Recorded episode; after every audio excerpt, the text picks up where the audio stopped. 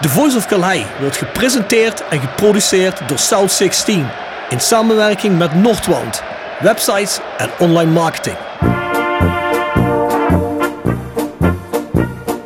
Eriksen, hij komt wel goed terecht trouwens, die uittrap. Eriksen, dit is zijn sterke punt. Van buiten naar binnen komen en dan schieten. Dat is een schitterende goal.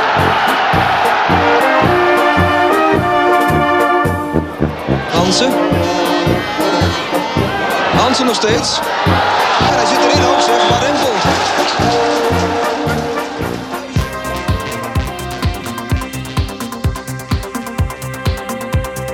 Van der Leur. Arnold. Over de lijn, het is 1-1 of niet? Het is 1-1. Graham Arnold toch weer. De Australische tank. Let op Hansma. En dan is Sibon die die bal teruglegt op Van der Leur. Hij ramt 3-1 binnen in de 49ste minuut. En dan is de wedstrijd verlopen. toch al zo lang in de club zitten en door samen in geëerd werden. Daar hebben we er niet voor gedaan, maar dat is hoe gekomen is. Dat deed mij persoonlijk en ook aan het Hendricks enorm. geven. Hadouier als hij rustig blijft. Hij blijft rustig. Roda op 3-1. Ja, dat kon niet uitblijven. Vente komt vrij voor het doel. Kan Roda toeslaan. Goppel en die zit erin. Het is 3-2 voor Roda. Kwartier voor tijd.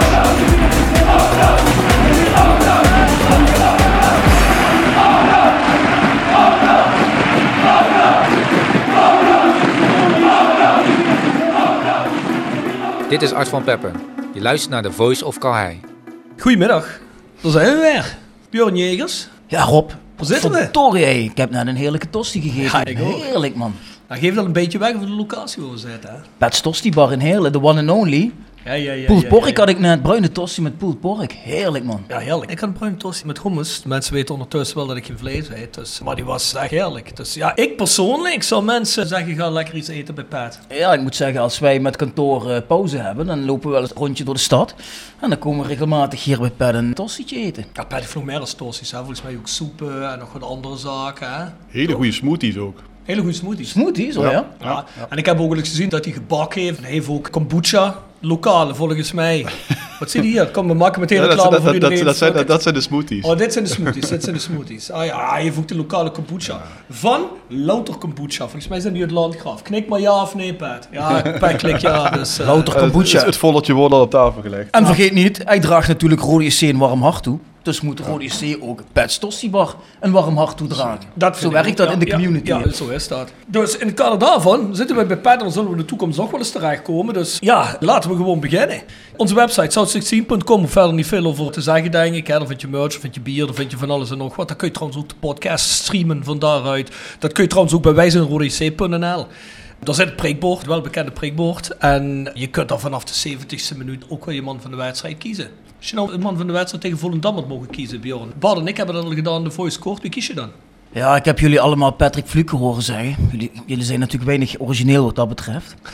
Ehm, dus dan... ehm, nee, ik moet zeggen, ik was wel gecharmeerd van Richard Jensen. Ja, kan Ja, dat was ook goed. Ja, die hebben we eigenlijk helemaal niet genoemd hè, toen we met de voice bezig waren. Ik, Verdiende ja, die eigenlijk wel. Hebben we niet, hebben we niet wel gememoreerd hoe het cult was, hoe die zo tergend langzaam aankwam lopen Ja. en dat, het voorzetje gaf bij die... Ja, ik vond het gewoon echt ruig dat hij hem niet uittikte. Ja, Maar ik dacht in eerste instantie, ik denk, die gaat dan over de zijlijn Ja. spelen. Ja. Hij was het twijfelen. Ja, die Ja, speelsen ja, voor- Volendam dachten dat ook en daardoor kon hij nog 10 meter opschuiven eigenlijk. Hè. Je ziet ook even dat hij opmarcheert.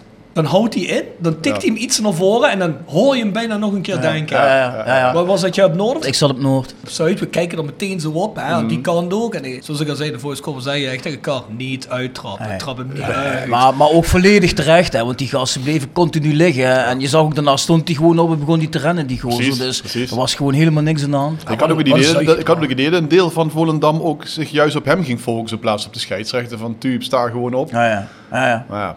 Denk je dat, dat ze echt dachten, tube stel op?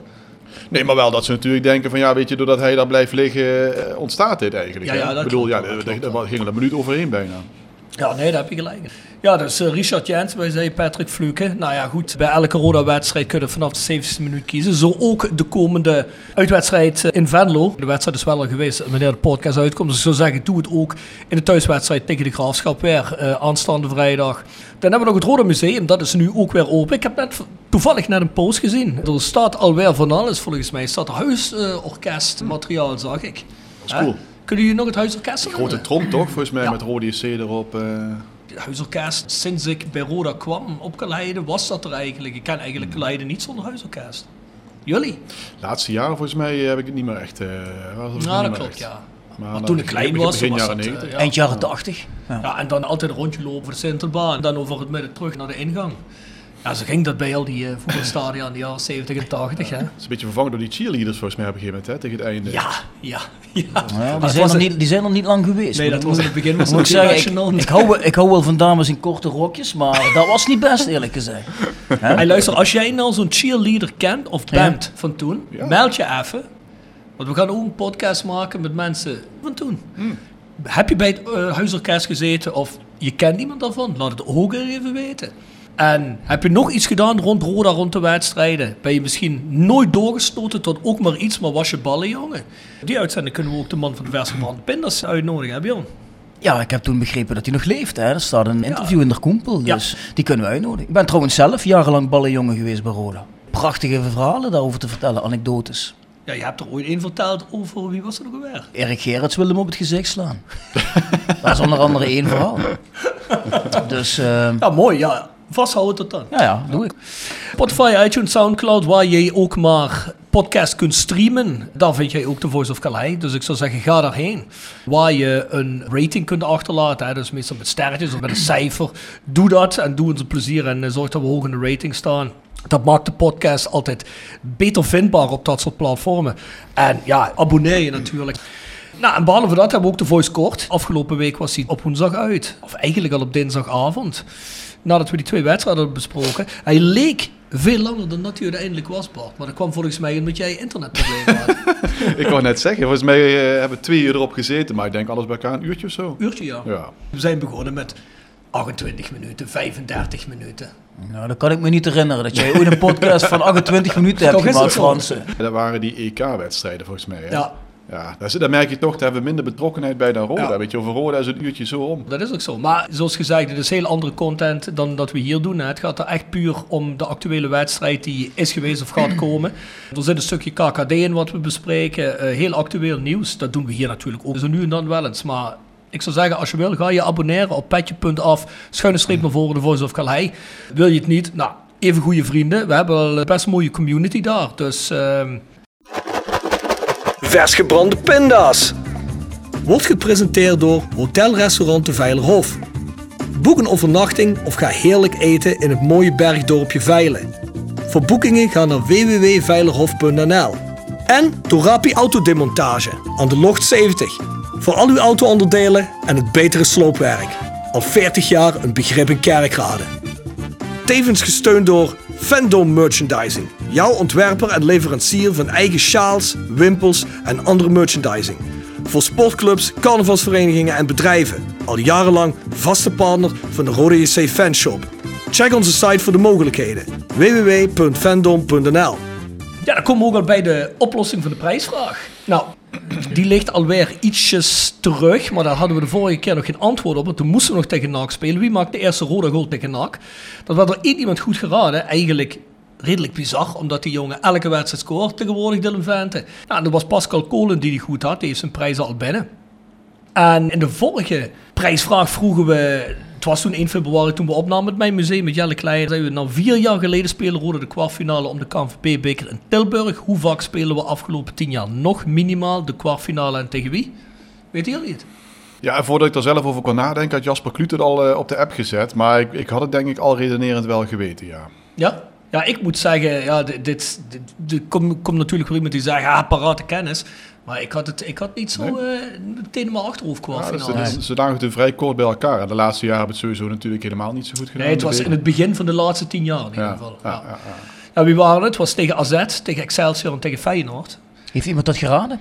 Volgens mij wel. Is natuurlijk nog niet gesloten. Tijdsbestek voor de prijsvraag antwoorden in te sturen. Want ja, hij is eigenlijk pas eergisteren uitgekomen. Maar er zijn wel al goede antwoorden, ja. Tegen AZ was die keer dat Nemet uh, scheidsrechter een duw gaf. Ah, en vervolgens vijf wedstrijden geschorst was. Dat heeft ons uiteindelijk degradatie gekost. Die, oh, was het een bekerwedstrijd? Ja, dat was een bekerwedstrijd, ja. Ja, dat is een kwartfinale. Direct, direct een rode kaart. Was ja. Dat moet dan rond deze tijd geweest zijn, hè? Ja. Deze week wel een kwartfinales, hè? Trouwens, een bizar slechte kwartfinales. Ik moet eerlijk zeggen, ik heb er echt maar stukjes van gezien. Maar het was ook iedere keer al zo vroeg beslist. Ja, precies. Zelfs die wedstrijd gisteren, was het uh, NEC Go Ahead 0-2 na een kwartiertje of zo. Ja. Daar heb ik niks van gezien, maar hoe heet hij nou? Uh, Wilfried Boni, hoe deed hij het? Ja, even maar heel kort, hè. Hij viel, wel, het geblesseerd uit. Na een paar, na, na, Is dat zo? ja.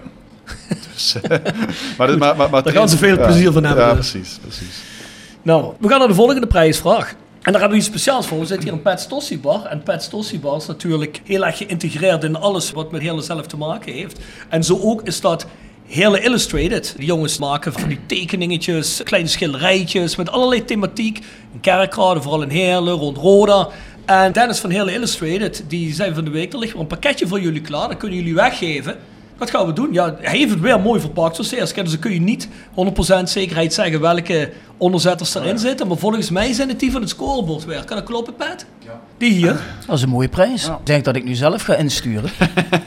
Doe dat maar eens. En dan laten we jouw vriendin de prijswinnaar trekken. Ja? Nee, dat doet ze niet meer. Ze is nu vrouw en moeder. Hè. Dat, eh, Oh ja, het is nou veranderd. ah, daar vinden we iemand anders voor. Ja, daar vinden we niemand voor. Ben je getrouwd, Bart? Niet getrouwd, nee. Nou, dan is het nog geen vrouw van jullie. Hij is ook niet getrouwd, dus eh, mogen jullie vrouwen mogen eens een keer gaan trekken. Hè? of Mo, hè? Mo gaat binnenkort trouwen. Binnenkort dus we trouwen. moeten, we moeten Het snel zijn. kan dus, ook. eh, Ja, als we Mo, dan, dan, eh, dan gaat Laura trekken dan. Ja. Laura trekken, ja. Als een soort bachelor track. Maar Mo is wel erg jaloers. We moeten een beetje moeten we uitkijken. oppassen, dat oké. vindt hij niet fijn als Laura gaat trekken. Nou goed, dan laten we hem wel niet trekken. Wat is de vraag? eh? ik, hoop dat, ik hoop dat die vrouwen allemaal niet luisteren. 7 juni 1989, toevallig kwam dat voorbij op YouTube toen ik was aan het kijken, vond de SLM-ramp plaats. En als mensen niet weten wat de SLM-ramp is, dan moet je dat maar even googlen. Tussen de dodelijk verongelukte spelers van het kleurrijk elftal zat één speler die kort voor een overstap naar Roda stond. Wie was dat en van welke club zou die overkomen? Weten jullie het nog? Ja, die wist ik wel, ja. Nou, Ik heb wel een keer gelezen. Ik, kom nu, ik heb de naam nu niet paraat. goede aanvaller was dat. Ja. Zeg getalenteerd. Hij jong nog, Ja. 22 of Ja, 23 of zo. vrij jong, ja. De club waarbij hij speelde willen hem toen niet laten gaan. Maar eh, hij was in een vergaande onderhandeling eh, met Ome Nol, schat ik. Ja. Dus Ja, klopt. Ja, Ja. Ik heb nog wel regelmatig wat beelden op YouTube van hem gekeken. Dat is toch Si- Sigi Lens, geloof ik. Die, zou, die heeft toen net van tevoren afgezet. Ja, die heeft zo, de dans ontsprongen. Ja. Ja. Klopt. Nou, maar nee, volgens Wie mij was niet. dat? Nee, Dat- nee, was- dat was er eentje die had net Stanley Menzo en ehm, iemand anders, die zijn eerder gegaan. Die zijn de dans ontsprongen. Nee, maar Ziggy Lens heeft het volgens mij overleefd. Maar heeft naderhand door ruggenletsel of door bekkenletsel nooit meer kunnen... Of is later overleden? Of is, of is nog- Nee, die leeft nog. leeft nog. Oké, dan heeft nooit- ja. dan, heeft hij, dan heeft hij nooit meer kunnen voetballen daarna. Dat was Ja, het. oké. Dus, Oké, ja, dat weet ik even niet meer, maar dat was in ieder geval iets wat deed. Ja. Nou mensen, ons mailadres is thevoiceofcalais.south16.com Tip van de week. Gepresenteerd door Jegers Advocaten. Ruis de Berenbroeklaan 12 in Heerlen. Hart voor weinig, nooit chagrijnig. www.jegersadvocaten.nl En Nextdoor Kapsalon, Nagel en Beauty Salon op de locht 44A8 te Kerkrade. En Roda Support. Supporter van werk. De uitzendorganisatie rondom Roda JC waarbij de koempelmentaliteit centraal staat. Roda Support brengt werkgevers en werknemers met een hart voor Roda samen. Ben je op zoek naar talent of leuk werk in de regio? Kijk dan snel op www.rodasupport.nl of kom langs op onze vestiging in het Parkstad Limburgstadion voor een kop koffie en een gesprek met Boris, Peter, Frank of Ben. Tip van de week. Bjorn Jegers. Ja, ik heb een hele interessante documentaire gekeken op Netflix over de man die eigenlijk jouw grote voorbeeld is, jouw idool. Hè? En dat is Simon Levive. En dat is de Tinder-swindler. en, Daar ben ik toevallig eergisteren aan begonnen. ja, geweldig, geweldig. Is eigenlijk een, een vent met een jetset leven. Hè? Die, die staat op Twitter of op, op Instagram en, en op Tinder is hij heel actief. Hij laat me wel een Eh, beetje aan jou denken dan met dat Ja, colbertje ik heb er wel eh, wat weg van, moet ik eerlijk bekennen. Heb jij hem Maar- gezien, Bart? Nee. Ja.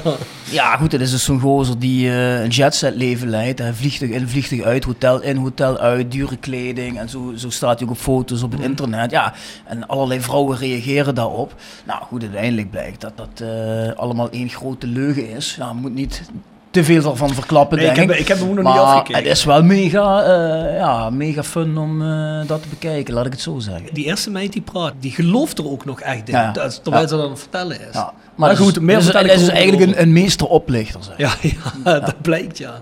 Heb je ook een tip, Bart? Of heb je ervoor nagedacht? Ik, ben- ik ben niet echt iets nu aan het kijken, maar ik kijk zelf wel heel erg uit naar het vierde seizoen van Drive to Survive. Dat komt eh, komende Ja. maand. Komt dat, eh, ja, je, Kijk. en, en het- het is al op zich echt he- ook heel veel mensen die niet van Formule Gaat 1 dat laatste nu over ernaar. afgelopen seizoen? Gaat over afgelopen seizoen, ja. Oh, en dat is, ja, dat je is op zichzelf al... met een eh, die Netflix-updates te checken.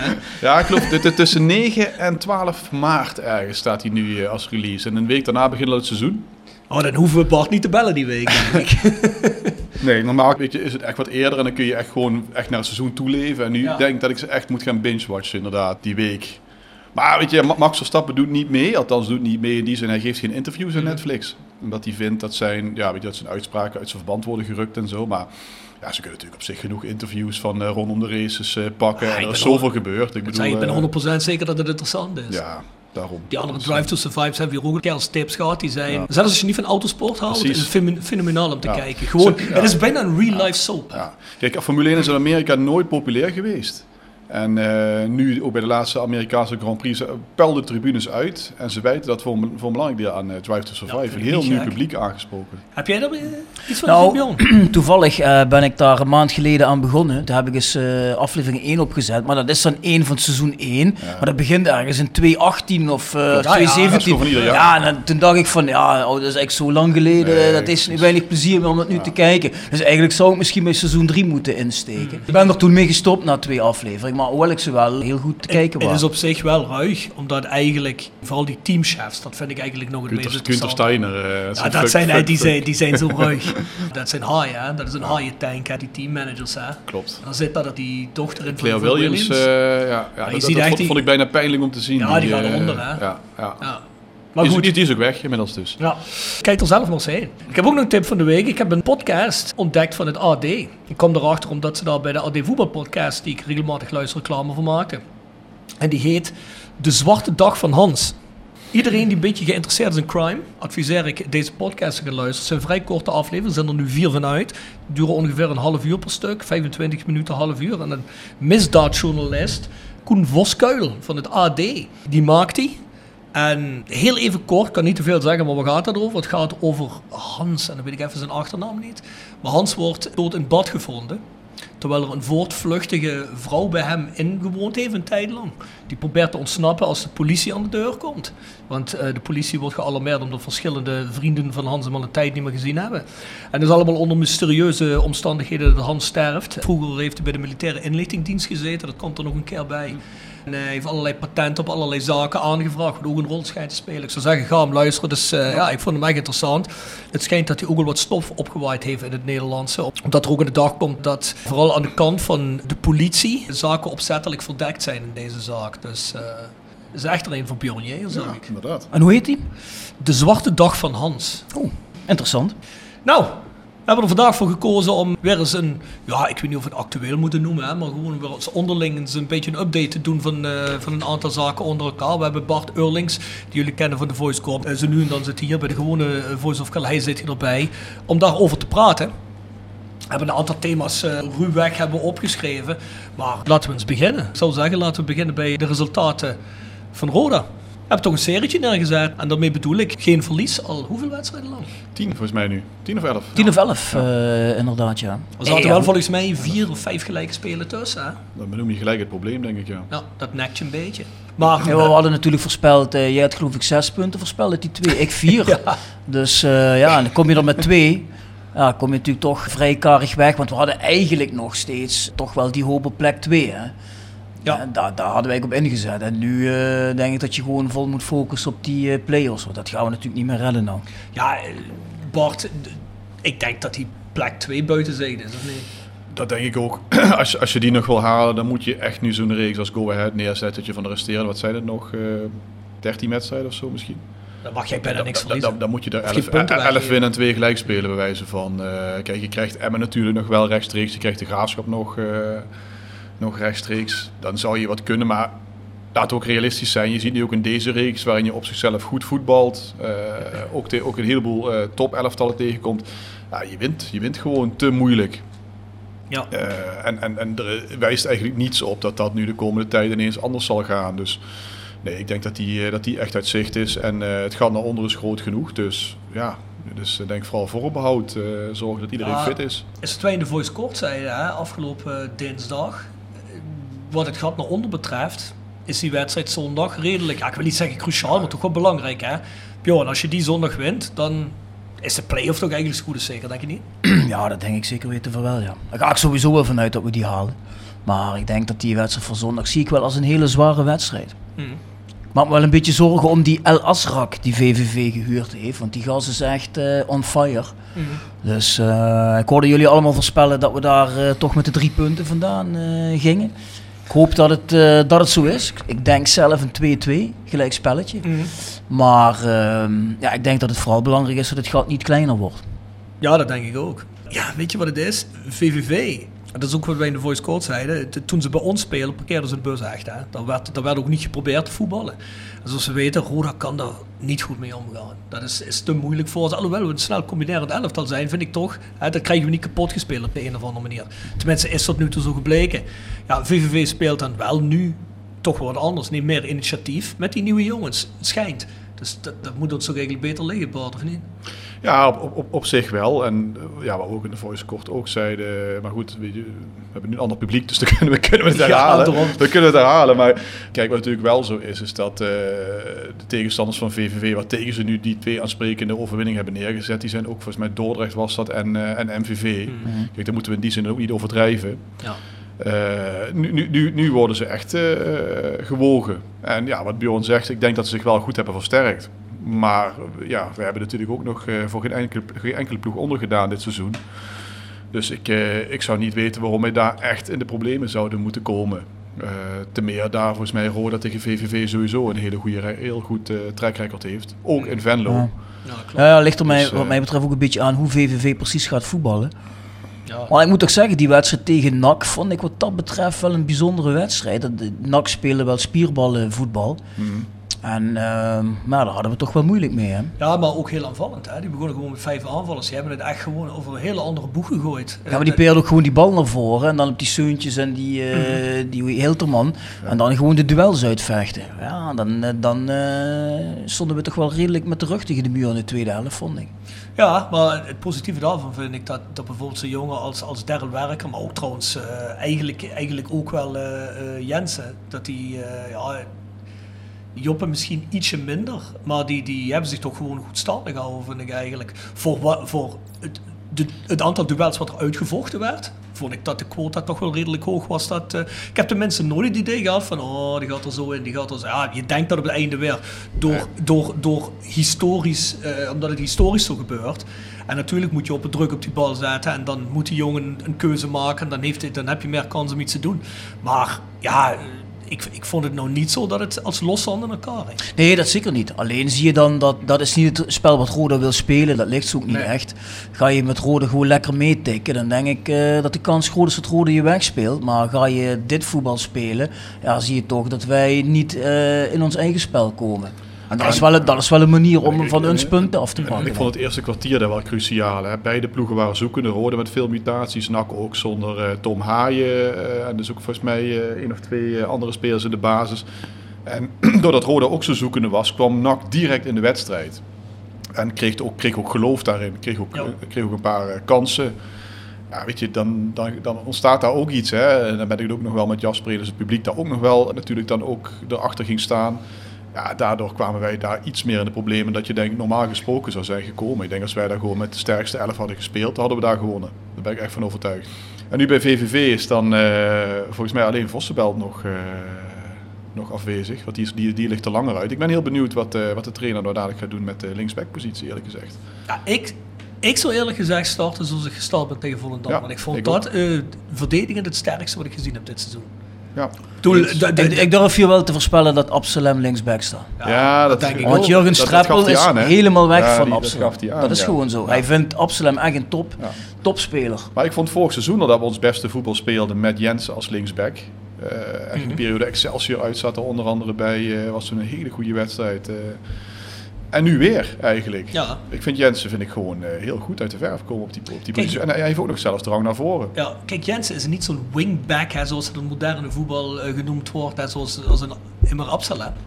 Maar eh, Jensen heeft iets meer verdedigends, maar het is toch zoals jij zegt dat hij toch die drang naar voren heeft. Hij, hij stormt niet zo op als een Absalem. En dat past misschien niet zo in, het- in het voetbal wat Streppel wil spelen. Maar ik vind dit, ja, ik vind Ah. dit wel gewoon... Ah, ik vond bedoel, hij geeft een eh, beslissende paas ook. Ja. oké, maar ik vond wel... Buiten die wedstrijd tegen NAC, waarin Absalem inderdaad erg zwak was, vond ik hem de wedstrijd ervoor juist wel heel erg sterk.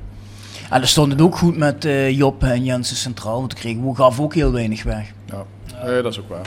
En dat is prettig. Jullie jullie zijn gewoon, sinds ik gezegd heb dat Absalem een contractverlenging moet krijgen, wil je hem onder de duiven schieten, Fransen. Nee, nee, nee ik, ben, ik ben gewoon erg blij dat eh, die laatste twee wedstrijden Daryl Werkers een beetje weet, Ja, heeft precies. Te ja, herpakken. je hebt nu meer opties wel. En ik, ik, ik, ik moet ook zeggen, ik, ik heb wel een gunfactor voor Daryl Werker. Ja?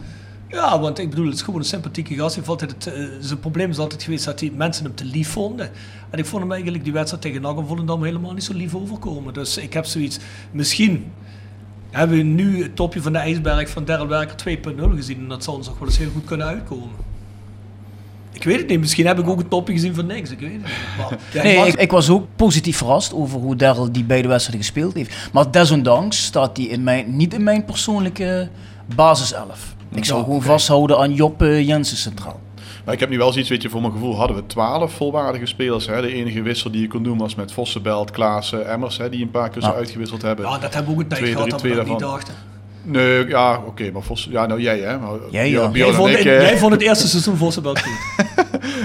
Bart was meteen bij de ik, fanclub. eh, ja, ja ik, ik was vrij vroeg. Nou, Vossenbelt, Vossenbelt als, als verdedigende middenvelder eh, bevalt me eigenlijk altijd. Want dan hoeft hij geen Ja, grote precies. afstanden te overbruggen. Nee, ja, precies. Dus, dus die heb je. En nu heb je eigenlijk ook achterin heb je een optie. Nou goed, dan is Vossenbelt nu eh, even weggevallen.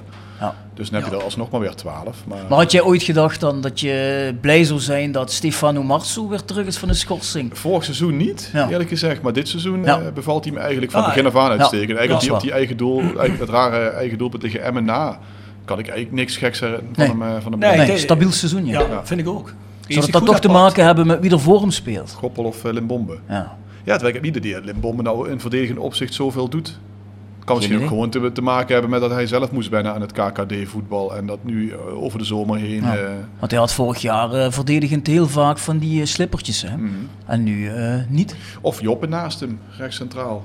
Dat dat, eh, dat, dat meer eh, Ja. betere rugdekking... eh, Ja, en misschien gewoon beter ingespeeld allemaal op elkaar. Hè. Ja.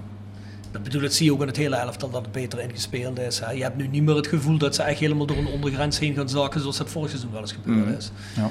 Dus ja. ja, daar komen we ook op het volgende punt. Roda speltechnisch. Bjorn had net al de wedstrijd tegen NAC aan, waar we heel, ja, eigenlijk gedwongen werden heel ander voetbal te spelen. Ja, we hebben het natuurlijk nu over VVV. De mensen die, die dit luisteren nu denken, ja, jongens, VVV is toch geweest. Hè? Dan laten we dan bijvoorbeeld eens heel even daar overheen stappen en naar de graafschap gaan. Verwachten jullie daarvan?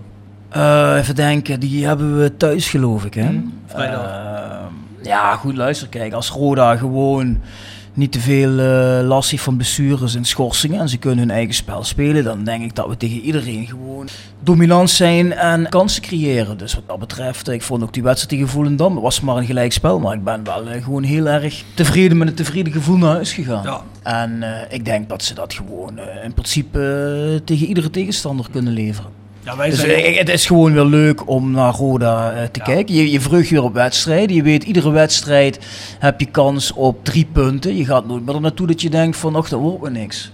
Dus eh, ja, dat is gewoon eh, leuk om naar te kijken. Ja, ja, wij zeiden ook wel tegen elkaar apart. eh Roda heeft echt goede reclame voor zichzelf gemaakt afgelopen vrijdag. Hè. Dat hebben ze goed gedaan. ja. Er stonden vooral in de vakboons stonden wat mensen ja, die je nog nooit gezien hebt. Die zeiden natuurlijk ook, ehm, dit is mijn stoeltje, hier moet ik zitten. nou ja, goed, dat, eh, dat wordt dan... eh, dat Sinds, wordt- de, sinds de opening niet meer meegemaakt. eh. Nee, nee. nee, maar ja, die mensen worden snel uit hun illusie geholpen. Dan gaan ze maar een rijtje hoger staan. Maar kijken. Het was wel duidelijk dat die mensen zich geamuseerd hebben. Dat kon je merken. hè. Er bleven ook heel veel mensen staan om te blijven klappen voor. Ik vond het ook echt, Ik moet, ik moet behalve die twee punten extra, was het eigenlijk vrij perfect aan. Ah, ik moet ook zeggen, ik vond de Oost vond ik heel druk uitzien. Het was uitverkocht, Zuid, hè. Zuid zag druk uit vanaf Noord. Ja. Ik vond West vond ik dan ja, nog een tikkeltje tegenvallen. Ja, ja, Noord, goed, dat is omdat Noord dat- kan ik zelf niet zien, maar dat zal natuurlijk wel... eh, Ze, ze had ook meer hoor dan... eh, Meer dan normaal? Ja, meer dan normaal. maar kijk, kijk, het is natuurlijk, heb je horen, op West trekt natuurlijk iedereen meer samen naar, ja, naar de midden, ja. De zijkanten was vrij. Maar ik heb wel eens wedstrijden gezien waarin dat toch wat voller was. Maar die andere Ja, maar tribunes goed, vond wat- ik... eh, Maar Wat maar een derde nu hè.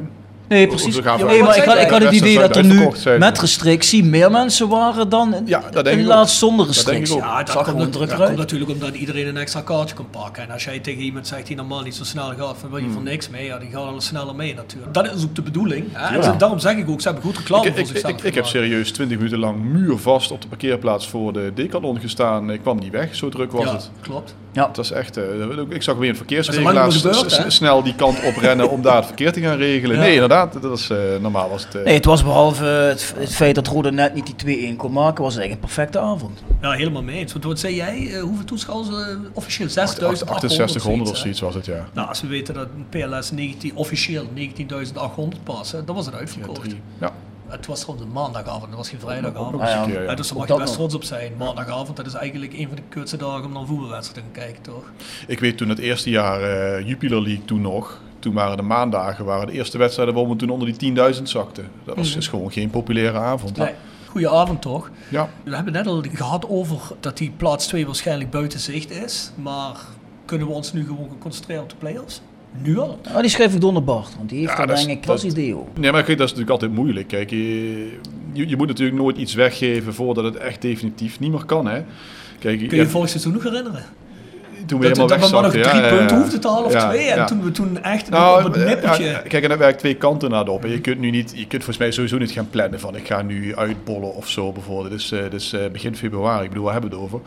Maar het is ook nog eens een keer zo dat je dadelijk echt best wel een reeks met tegenstanders hebt gehad al. Eh, hè, we hebben de Graafschap twee keer gehad, VVV, NAC, Volendam, Eindhoven hebben al twee keer gehad. Eh, Almere uit vond ik toch op voorhand ook niet de allermakkelijkste wedstrijd. Die hebben ook makkelijk gewonnen. Maar we krijgen dadelijk echt nog wel een reeks met tegenstanders die ja, re- in het rechte rijtje zitten. Stel je kunt daar echt die reeks tegen neerzetten en dan komt bij een Emmen nog de klad in. Ja, je weet het nooit, hè? Maar ook, en ook andersom. VVV wint nu twee keer op rij. Stel die winnen ook van ons, dan staan ze geloof ik nog op zeven punten of zo. Ja, dan, dan is dat ook nog geen gelopen race. Dus je moet gewoon maximaal eraan blijven doen. En wat ik ook zelf erg leuk zou vinden, als je gaat kijken naar die wedstrijd in de vierde periode, dan, dan, dan, dan is dat voor ons best wel mogelijk. We hebben nog nooit een periodetitel gewonnen. Nee.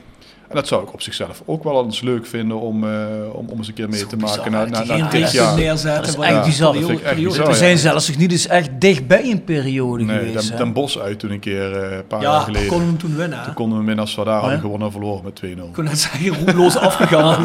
Maar ik- was, ik- was ik- wel een mooie sportsactie. Ja, ja, ja, klopt.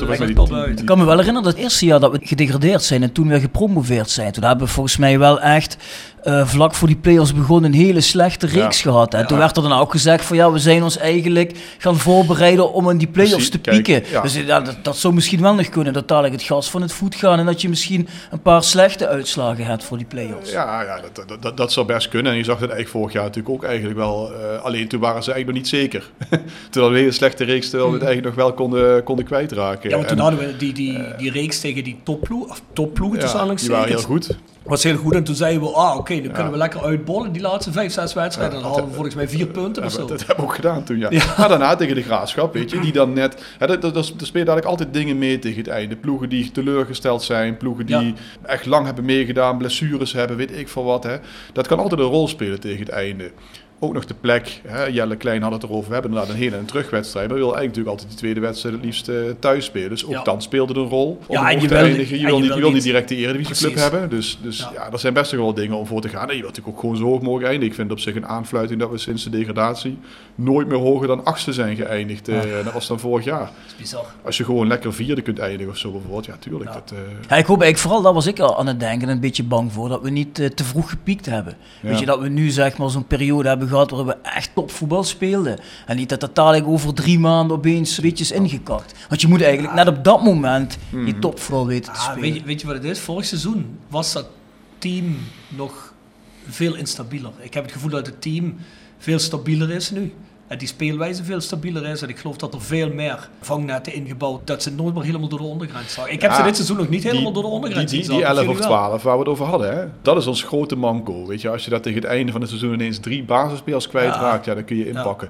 Ik, denk, ik denk dat als we met onze sterkste 11 de hele nacompetitie kunnen spelen, dan wil ik nog wel een ploeg zien die ons gaat verslaan. Ja. Mm. Ja, Dat, eh, dat is wel heel belangrijk. Zeker over twee wedstrijden. Zeker over twee wedstrijden. Ja. Kijk, want als je tegen NAC uitspeelt en je haalt dat resultaat. Ja, weet ik die heb 100% je thuis gepakt. zeker dat ze ze thuis pakken. thuis gepakt, ja. Nou is het wel overigens nog wel zo... Na, na, na, na, competitie heb wel zijn eigen wetten vaak. Hè. Dan zie je toch ook heel vaak nog dat, eh, dat achterstanden goed gemaakt worden. Omdat je op twee gedachten gaat hinken voor. Hè. Stel 2-2 uit bij, bij NAC en dan gaan we thuis spelen. 0-0 hebben wij genoeg aan. Nee, Nou, wat ga je dan doen? Nee, die wel niet. 2-2 die regel is toch voorbij? Ah, dat is waar. Nee, dat heb je gelijk. Die is weg, ja. maar goed, desalniettemin. Hè. Weet je, wij zag ook wij, wij Daar thuis hebben wij tegen ook wel NAC van geprofiteerd. Ja, dat hebben we- Tegen Ah, ja. Cambuur. Ja, die, die, die, die, die was er nog wel mee bijvoorbeeld wij thuis tegen NAC toen. hè. 0-1 verloren in die na-competitie. Dan ga je naar Breda. Kom je op 0-1 voor. Ja, dan gaan zij toch twijfelen. Hè?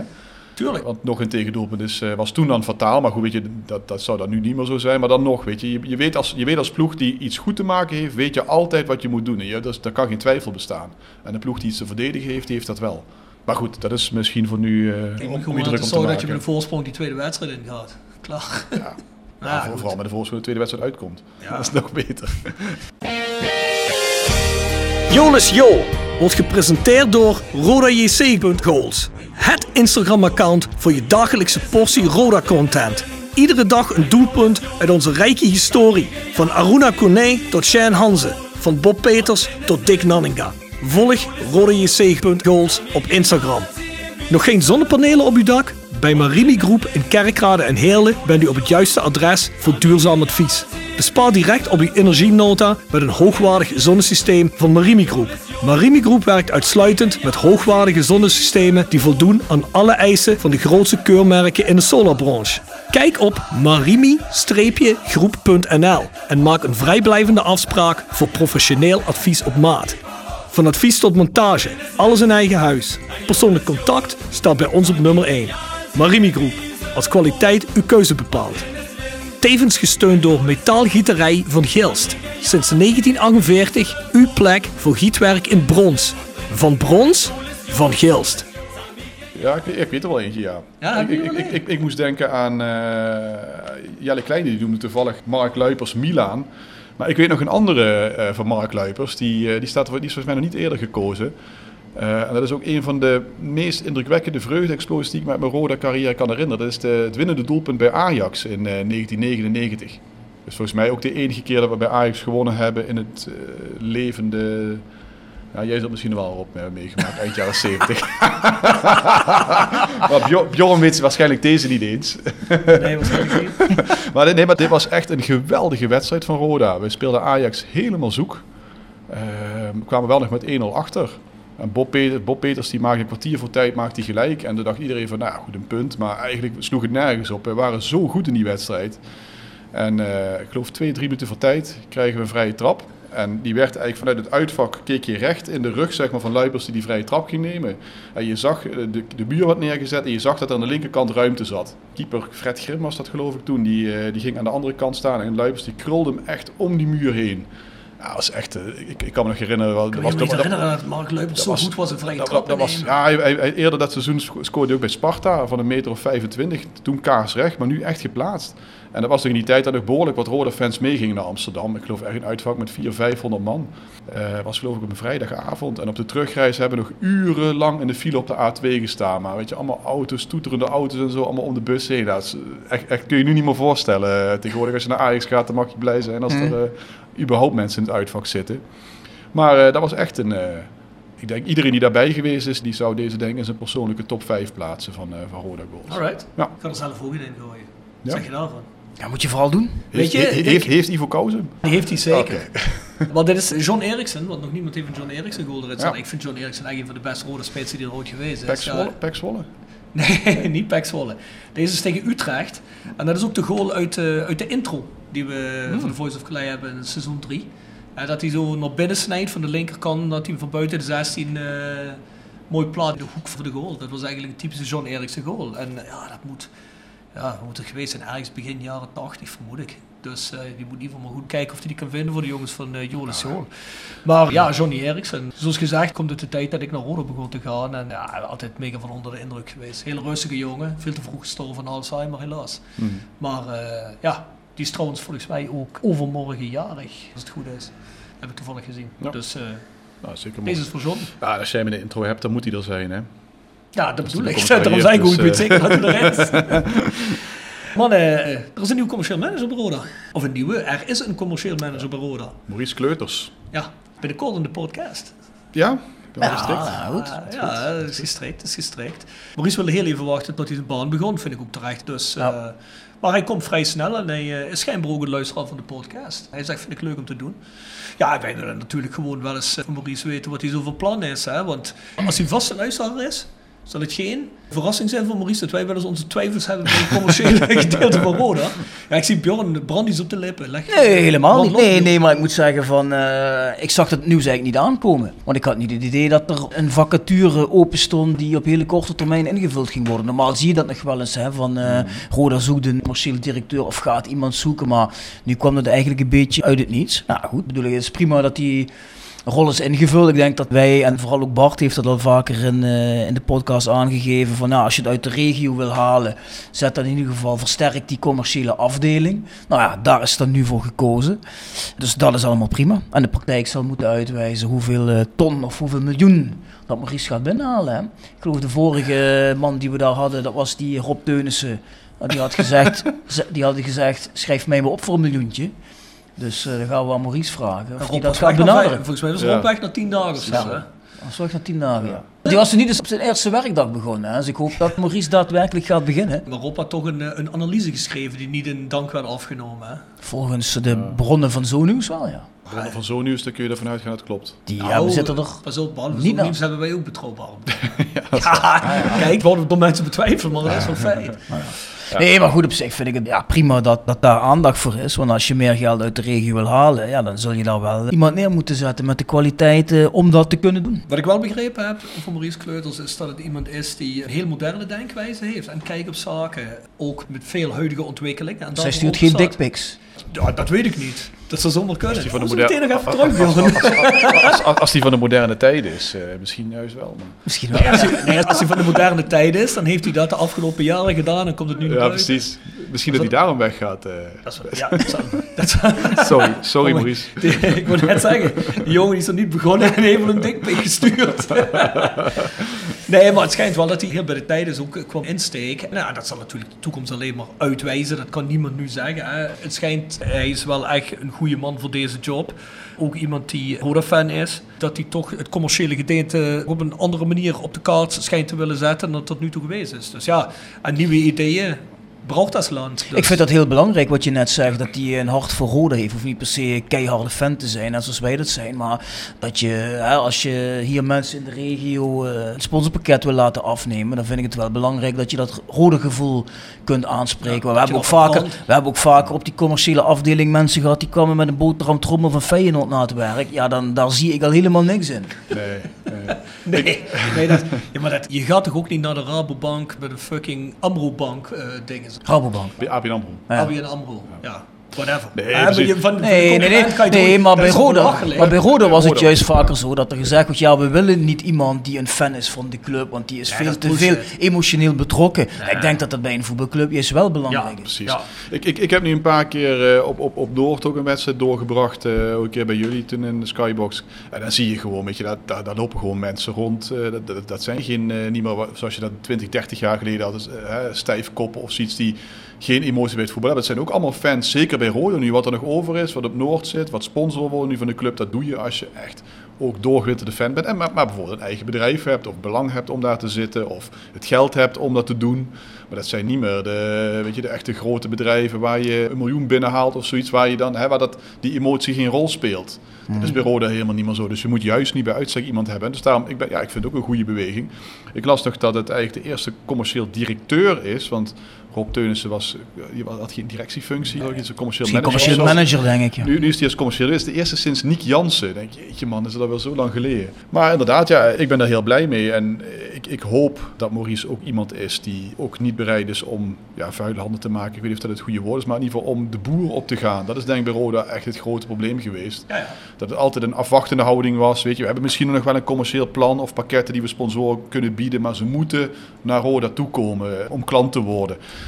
En daar hebben we van gezien, dat werkt niet. Je moet Zo- de boer op. Zou dit al langer op de planning hebben gestaan? Want Joris Peters zei tegen ons ook van ja, ik moet ook naar die sponsoren toe.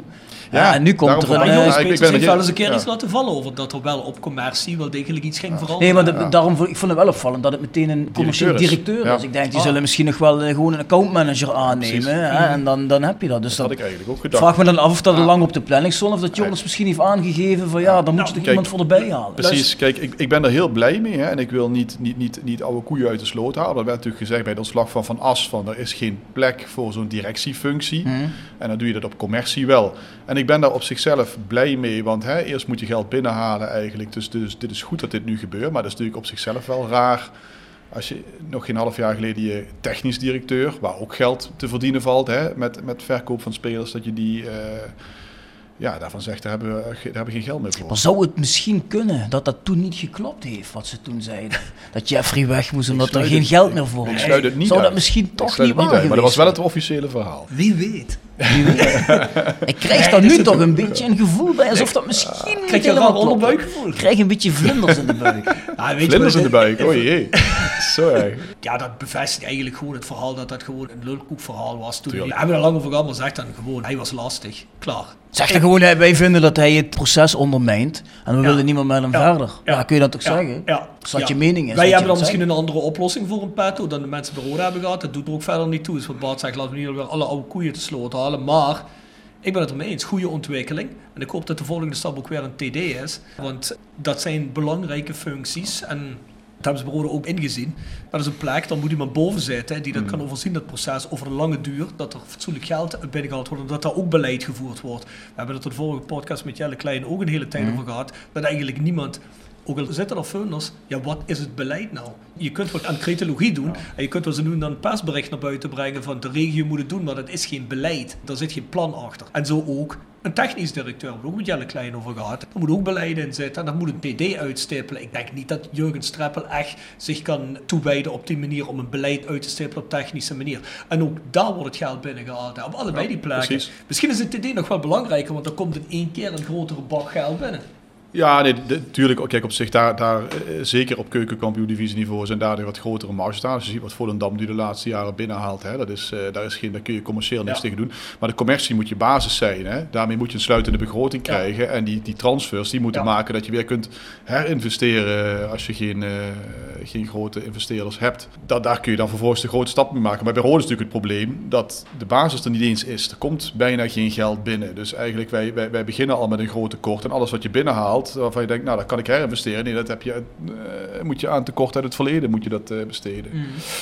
Dus eh, ik ben erg benieuwd. Ik ben ook ik ben heel benieuwd naar hoe hij dadelijk de, tegen de bestaande afdelingen aankijkt. Of dat wat hem betreft groot genoeg is, of daar voldoende kwaliteit is. Dat zal hij in de podcast natuurlijk niet direct eh, het achterste van zijn tong laten zien. Maar ik ben dus benieuwd hoe hij, hoe daar over een half jaar... Ja, hij zal natuurlijk wel zeggen van, moet die mensen leren kennen en zo. Hè. En op zich, daar ga je natuurlijk niet, niet, niet na, na twee, drie weken Nee, eh, slecht over spreken. Maar ik ben heel benieuwd hoe dat over een half jaar staat. En of, die, of daar mensen bij gaan, of daar ook dadelijk budget voor is. Nou ja, goed, we hebben er vaker gezegd, dan wordt geld verdiend moet worden, moet je ook zorgen dat je de resources dat je goede hebt. mensen Anders, dan, anders, Ja. anders dan, er gebeurt er Ja. gewoon niks, dan blijf je stilstaan. Ja. Ja, Kijk, Ja. zie je, zo'n accountmanager verdient zichzelf altijd terug. Een goeie. tuurlijk. Ik denk dat, Dat, eh, Jeffrey van As zich ook al terug verdiend heeft als dat ik Patrick Fluke en Benji Bouchouari verkocht worden. Die wordt er niet verkocht. Fluke niet Fluke meer. niet. Ach, ja, ja, ja, wat zeg ik nou? Die loopt de deur uit. Dat zeg Ja, ik ook al een Er half is jaar. gebrek aan slaap bij die man. Dat begint nu Ah, toch wel langzamerhand op te ja, breken. begint nu, ja.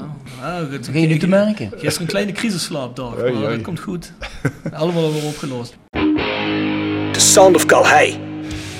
Gepresenteerd door www.gsrmusic.com voor muziek en exclusieve merch van Born From Pain, Madball, Death Before Dishonor, Archangel en nog veel meer. Ga naar www.gsrmusic.com.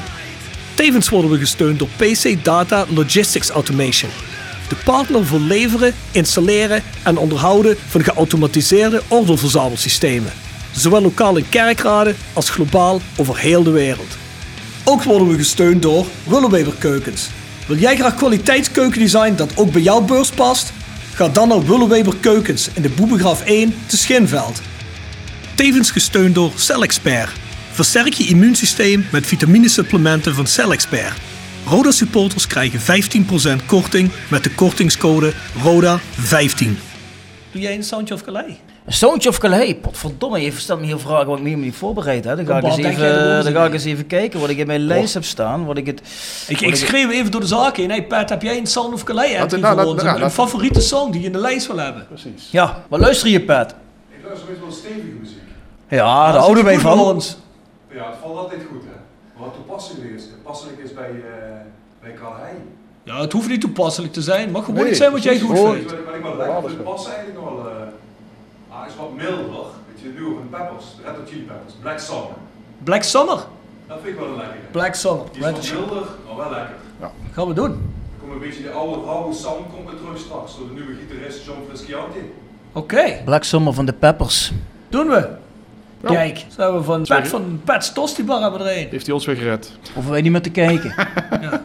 nou, dankjewel Pat. Ja, Bjorn, je zegt het net, dickpics. Ja. Wat, vond jij nou van die situatie? Ik moet je heel eerlijk Ik, ik zeggen. vraag je dit, het hoort eigenlijk misschien in denkens, maar het kan natuurlijk overal op elke werkvloer gebeuren. Nou, ik heb dat aan mijn secretaresse kijk, kijk, gevraagd. voordat we doorgaan, even alle geouwe hoer op een, eh, op een stokje. Maar het houdt de gemoeder een beetje bezig op dit moment. En laten we heel eerlijk zijn, iedereen heeft wel eens een seks-appje naar een ander gestuurd. Maar in wat voor verhouding moeten we dat zien? Want ik zag vergelijking met, weet je wel, Mason Greenwood? Ja. Zo heet hij toch? Hè? Die van Manchester Mm, United, die van hoeveel kracht hij van eh, elkaar heeft geslagen. ja, goed. en dan hoor ik hem in één adem genoemd worden met een Mark Overmars. Dat slaat echt Nou ja, kijk, het gaat natuurlijk om een stukje machtsverhouding. Hij is de directeur van Ajax. En als Ja. je dan ongevraagd naar vrouwelijke werknemers een dickpic stuurt, vooral ongevraagd, dan is dat natuurlijk niet handig. Maar ja, voor mij persoonlijk geldt, je weet, ik ben strafrechtadvocaat en je staat dan altijd de partij bij die aangeklaagd wordt. En misschien dat ik dan ook een zwak voor die partij heb, sneller dan menig ander.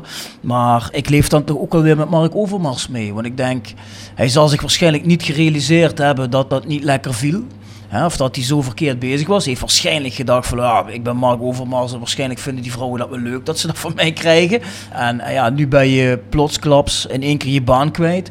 Je zit natuurlijk thuis op de blaren. Ik bedoel, gaat hij nog een keer zo'n functie krijgen of ben je misschien wel klaar? Want je wordt hier de rest van je leven mee geassocieerd. En eh, ja, ik vraag me dan wel af, was het dusdanig ernstig om dat soort gevolgen de rest van je leven te moeten dragen? Ik vind dat wel een tikkeltje zwaar, Ik vind, eerlijk ik, vind gezegd. het ook, ik vind het ook in geen verhouding staan, eerlijk gezegd. Precies wat je zegt, hij is nu volgens mij uitgerangeerd in het voetbal. Hij kan misschien nu ergens in Rusland of zo terecht. Hij is toch ook goed je zakken vullen natuurlijk, maar op zich zijn hele carrière is hiermee om zeep. En denk van ja, weet je, heeft, hè, er, er zijn geen verhalen over aanranding, verkrachting Nee, nee, of weet nee. ik veel wat allemaal. Alleen maar Dus het is- berichten is, eh, ja, grensoverschrijdend gedrag. En dat mag niet, we- weet je. Hè, dat, dat is, eh, en zeker met de machtsverhouding wat jij zegt. Want een zijstapje, toevallig kwam het nieuws bij Studio Voetbal binnen op een gegeven moment. En daar zaten Theo Jansen en Pierre van Hooydonk, die zaten er onder andere aan tafel. En Arno Vermeulen. En de enige die nog iets durfde te zeggen op dat onderwerp was Arno Vermeulen. En die twee voetballers, die vielen stil. Die dachten ook van, ja, wij kunnen hier moeilijk nu... eh, Die dacht ook, Die dacht- als ik nu iets zeg, dan die Jansen. wij allemaal ook. Dus weet je, maar... die daar- daar- ook Ja, wel. maar heb, je dan gezien maar- dat eh, bij de Telegraaf, daar zit die Valentijn Driessen, Ja. en die had een stuk geschreven met die Mick van Wely, Ja. ook die misdaadjournalist. En een dag later, Dag later komt kwam er dat bericht over Mick van Wely, die is ook nu geschorst, want die had ook vrouwen. Dus hij schreef eerst Ja. een stuk over Overmars en een dag later is hij zelf aan de beurt. Maar ik las op Twitter een verhaal van een meid. Hè, en die was de hond gaan uitlaten. En er werd dan Nou. geschreven van... Nou, terwijl ik de hond uitliep, kwam er een man die zei... Wat ben jij mooi. Ik vind dit echt niet kunnen. Ja, Ja. dan denk ik van... Hey, Nee, precies. gaan we wel heel Precies. erg Ja, nee, maar daarom, oké, kijk, kijk, dat begrijp eh, ik. Alleen, ik sta altijd zo in die zaken. Maar dat heb ik ook met alles. Dat heb ik ook met de, met de hele Sinterklaas Zwarte Piet discussie. Dat heb ik met allerlei zaken. Kijk, iedereen heeft het altijd over respect. Ja, je moet respect hebben voor elkaar. Respect is belangrijk. Zeg, respect hier, respect daar, weet je wel. Oh, respect, dat is de basis van alles. Maar veel te veel mensen gaan altijd van zichzelf uit. Die zeggen van, ja, ik vind dit niet erg, dus waarom vind jij dat dan erg? Weet je wel. Maar zeg, ik zou hier bijvoorbeeld de hele tijd eh, met mijn voet tegen zijn benen aan zitten te wrijven. Zeg, maakt er niks uit hoor, dat maakt geen reden. Zeg, Bart, ja, maar dat, dat maakt me ongemakkelijk. Ik ben, En ook dan echt is het- blij- dan ik ben is- ook echt blij dat die voice kort dat die eh, online gebeurt. Ja, of ik zit hem de hele tijd, eh, ik probeer hem aan zijn neus te pakken. Als hij dat ongemakkelijk vindt, ja, dan moet ik dat respecteren. Dan zegt hij, dat wil ik niet. En als ik dan zeg, je, maar Bart, dat boeit toch niks. En ik vind echt dat dat niks boeit. Ja, ik vind, maar dat zeg jij ook, kijk, ongevraagd iets doen, en iemand zegt, hey gast, what the fuck? Ja, ik vind gewoon dat je het zelf schuld. Dat Alles wat je Nee, over je tuurlijk, krijgt, ben je zelf schuld. Tuurlijk, maar, maar, En- je, en- weet, maar je weet niet hoe dat gesprek heeft verlopen natuurlijk. Hè? Bedoel, misschien heeft hij gezegd, oh, ik vind je een mooie meid. Misschien zegt zij van, ja, ik vind je ook wel een knappe man, Mark. Ja, dan denkt hij van, oh, ik heb een voet tussen de deur, Ja, weet je wel. tuurlijk, en dan begint hij wat te sturen. En zo'n vrouw durft niet te zeggen, nee, ik wil dat niet. Want die denkt, anders ben ik eh Ja, morgen da- de baan daar ligt- daar ligt dan ook het Maar- probleem. Nee, precies, dat Ja. is ook het probleem. Alleen, ja, heeft hij dat, zich wel gerealiseerd dat de ontvanger het helemaal niet Ja, waardeerde? kijk, kijk, dat is natuurlijk de verantwoordelijkheid die je hebt als je in een eh, leidinggevende positie zit. Kijk, je moet het sowieso al niet doen. Want als jij in het middelpunt van alles staat, al vindt die meid dat super dat je dat doet. Op een gegeven moment als jij zegt, ah, ik hoef die verhouding niet meer. En zij wordt jaloers of ze vindt dat niet leuk. Ja, dan duurt het misschien een paar weken voordat zijn vrouw ergens een appje krijgt en zegt, hey, je man is dit het doen. Gewoon puur uit, uit jaloersheid. Tuurlijk. of Uit. Nee, maar ja, dat het Dan- niet slim is, één. dat staat buiten kijf. dat- dat is alles één. Dat moet je dan sowieso eens doen. Maar dat je dan ook nog leidinggevend bent, ja, dat, dat kun je eigenlijk gewoon niet maken. Dat moet je niet doen. Dat is, dat is gewoon niet slim. Dat is... Nee, dat kan, Kijk, dat het- kan het- ook niet. Dat het- kan ook niet. Alleen rechtvaardig dat de gevolgen die hij nu allemaal precies. heeft. Hè. Dat- ik bedoel, dat vind eh, zie ik eh, op lui tweeten. Ik, ga, ik, ik ben boos op Mark Overmars. En Mark Overmars dit en dat. En dan denk ik, oh, dat is ook denk ik maar een mens. Hè. Ja, zeker. Alleen had Mark Overmars dat wel echt vanuit zijn functie echt veel beter moeten weten dat je dat niet kunt maken. Toch? Dat is ook zo. Dat is ook zo. Denk je dat het voor die voice-discussie, zeg maar, hè, die losbarsten, denk dat hij dat hij zich onaantastbaar had gevoeld daarin? Dat denk ik Dat ook. denk ik Echt, ook, ja. eh, je, had, je had echt totaal niet gedacht dat... eh, Maar dat is het probleem wat we zeggen. Hè. Dat is ook wat ze altijd bedoelen met die machtsverhouding. Hè. Ja. Stel je voor, mijn baas of, of mijn bazin eh, zou iets in me zien en die begint me dat de hele tijd. En ik denk van ja, ik wil eigenlijk promotie maken. Maar zij gaat er straks over beslissen of hij. Als ik nu zeg van hey, eh, hier ben ik niet van gediend. Als eh, hij of zij dan slecht reageert, ja, dan heb ik een probleem. Kan ik mijn biezen pakken of ik blijf op mijn positie zitten of gewoon misschien ontslagen, weet ik veel. Ik word misschien op iets overbodig. Ja, ik kan me best voorstellen dat zo iemand dan niet direct mee naar iemand toe loopt. Want stel je voor, je gaat naar Edwin van de Sar. Edwin van de Sar zichzelf, ja, we hebben 20, 30 jaar alles samen gedaan. Weet je wel, ja, dan ga je niet naar Edwin van de Sar. Ja, Ik begrijp dat allemaal heel goed. Maar zijn toch, en dan keek ik naar een interview met René van der Gijp, die werd meteen voor de Kamer getrokken. En die zegt van ja, dit is natuurlijk oliedom, maar had het niet opgelost kunnen worden met een goed gesprek? Kan Overmars niet tegen die vrouwen zeggen, hey, oh, ik wist niet dat je het kloten vond, het spijt me, eh, ik ben over de schreef gegaan. Oké, eh, goede vrienden en we gaan weer door. Dat had je zeker kunnen proberen, eventueel, ja. Maar ja, ik, ik weet niet hoe het op de werkvloer bij Ajax is. Kijk, voor hetzelfde geld staat Mark Overmars misschien te boeken als iemand die niet zo goed om kan gaan met dat soort situaties. Omdat hij dan andere situaties ook niet goed mee om kan gaan. Kijk, als je, natuurlijk al, praten. als je natuurlijk al een aantal jaren bekend staat als vieze oom en geilneef, ja, dan weet je in Ja, ieder geval wel... ook. Ja, ik ook, ja. Maar dat wil ik Misschien, net- misschien dat niet door maar wel gewoon hoe je met ons praat. Dat sowieso. Maar ik vroeg aan mijn secretaresse, ik zeg, heb je ook wel eens dickpics gekregen? Zegt ze, ja. Zegt ze, maar sommige was een mooie piemel en sommige was een lelijke piemel.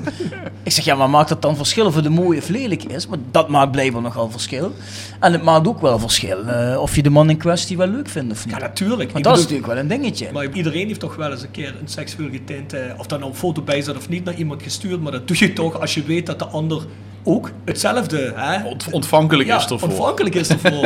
ik bedoel, ik zou me kapot gaan als ik iemand een, een dik zeg. Dus we nog nooit een dikpik gestuurd. Maar, Nee, maar- maar- maar daarvoor- zou, maar zou je er dan iemand doen waarvan jij denkt, Nee. die vindt dat ramkloten misschien dat niet te doen. Nee, maar daarvoor, gênant? nee, maar daarvoor denk ik, alles. maar daarvoor denk ik ook oprecht dat die Overmars gedacht heeft, oh die vrouw ziet mij wel zitten, dus ik kan dat maken. Ik, ik zou het juist in zo'n situatie waarbij je iemand nog dagelijks tegenkomt, zou ik dat super gênant Ja, vinden tuurlijk. eigenlijk. Dus eh, een of ander Tinder-contact of zo nog oké, ja, maar zelfs dan eigenlijk niet. Maar goed, bij VI zat ook van de week zat een vrouw en die, eh, die werd ook gevraagd daarna. Die zei van, ja, wat doe je dan nou eigenlijk mee met die foto's? Zegt ze, nou, soms dan bewaar ik hem, want als je doorklikt op het profiel, dan is het vaak, eh, bijvoorbeeld ook via, via Instagram of zo of Twitter, dan is het vaak anoniem, hè, weet je, of dan hebben ze een of ander cartoon als plaatje of zo, zegt ze. En soms dan, dan sla ik dat wel eens even op en dan ga ik gewoon een half jaar later kijken. Zeggen ze, bijna altijd zijn het jochies van 1920 of zo, eh, bijvoorbeeld, die dan weer hun profiel gewoon hebben, zeg maar. Eh, het is bijna nooit iem- iemand die je kent of zo, bijvoorbeeld. Het, is eigenlijk altijd, het zijn altijd anonieme, anonieme figuren. Maar ja, ik, ik kan me voorstellen in een werksituatie dat het super ongemakkelijk is. Ja. Als je dat, eh, je moet iemand onder ogen komen, als zender en als ontvanger. Kijk, als je nu naast elkaar op bureau zit en je bent allebei op computer alleen maar het typen en in het kloppen. Ja. En je hebt dezelfde rol, ja, dan kan je me nog voorstellen dat je misschien alleen zegt van, hé, hey, eh type, doe eens even normaal, weet je wel. Als het de baas is, eh, ja. Dat is het hem ook. Maar ja, Mark Overmars, dat is wat Bart in het begin ook zei, die is waarschijnlijk gewend dat iedereen hem op een voetstuk plaatst. Ja, en dan begin je jezelf misschien iets te overschatten. hè.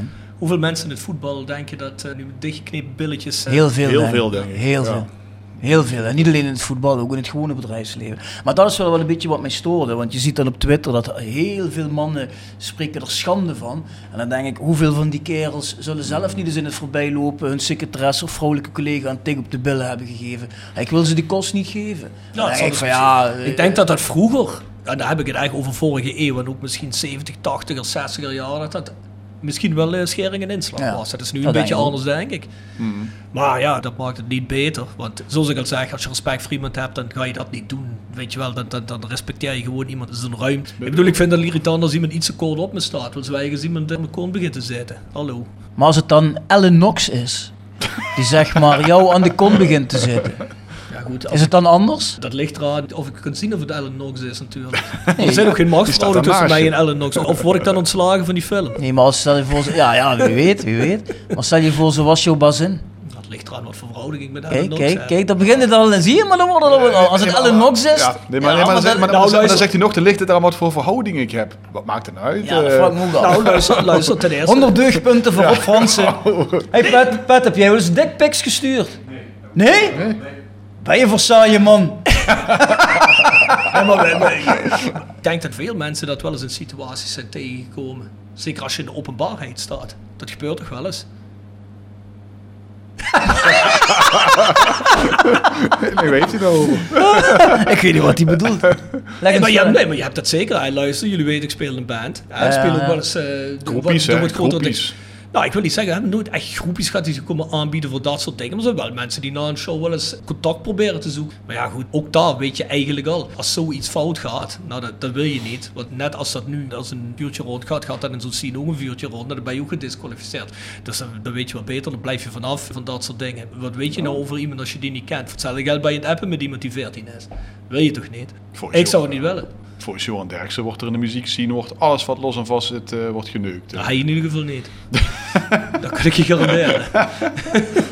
Ja, ik heb hier toch mijn bedenking bij. Of Rob Frans hier wel de waarheid spreken. Alsof er zo'n meid na de show naar hem toe komt. Oh Rob, mag ik met je mee de kleedkamer in? En hij zou dan gezegd hebben van... Nee, nee, ik dit wil ik niet. Want anders ben ik uitgerangeerd. Nee, nee, dat begrijp jij niet. Dan schrijf ik een briefje. Ja, maar- dit is mijn ja, maar Rob- hotel en dit is mijn kamer. Ja, maar Rob, Rob serieus, hè, serieus. Hè. Kijk, waar waar het nu vaak een probleem is, waarom Ajax ook in verlegenheid is, imago. Wat echt wel een wezenlijk verschil volgens mij in de muziekwereld is, is dat dat niet zoveel uitmaakt.